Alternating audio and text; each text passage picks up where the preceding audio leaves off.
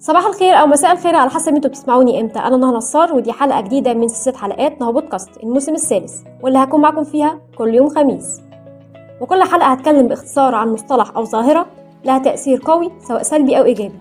ودلوقتي هتكلم عن ظاهرة السراب وهو نوع من الوهم البصري وأن بعض الأشياء البعيدة قد تبدو أقرب مما هي في الحقيقة وأن هناك أشياء أخرى تطفو في الجو مثل جبل أو سفينة. وانكسار الضوء وهو يمر خلال الهواء الذي تتفاوت درجة حرارة طبقاته هو السبب في حدوث السراب.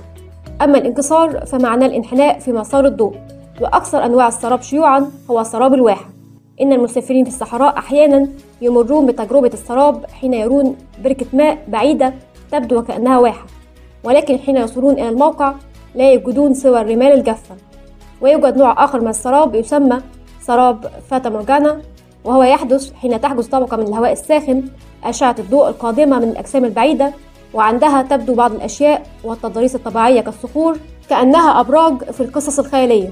وبمجرد أن يصل شعاع الضوء إلى عين المشاهد تفسره القشرة البصرية كما لو كان قد صار في خط مستقيم تماما على طول خط الأفق إلى أن وصل إلى العين.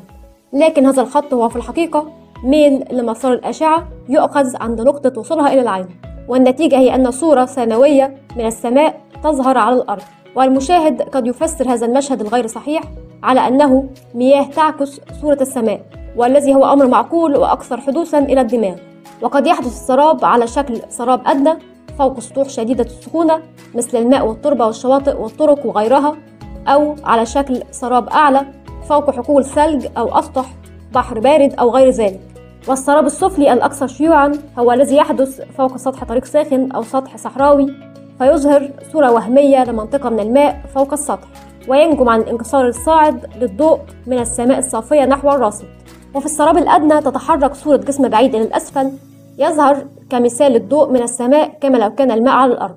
والانحناء القوي للضوء يمكن أن ينشئ العديد من الصور المنتصبة والمقلوبة ويتم رؤية السراب الأعلى فوق سطح مستوي ذي درجة حرارة أقل بكثير من الهواء فوقه وفي هذه الحالة ينحني الضوء من الجسم للأسفل نحو الراصد مما يجعل الأجسام البعيدة تبدو أعلى من مواقعها الحقيقية.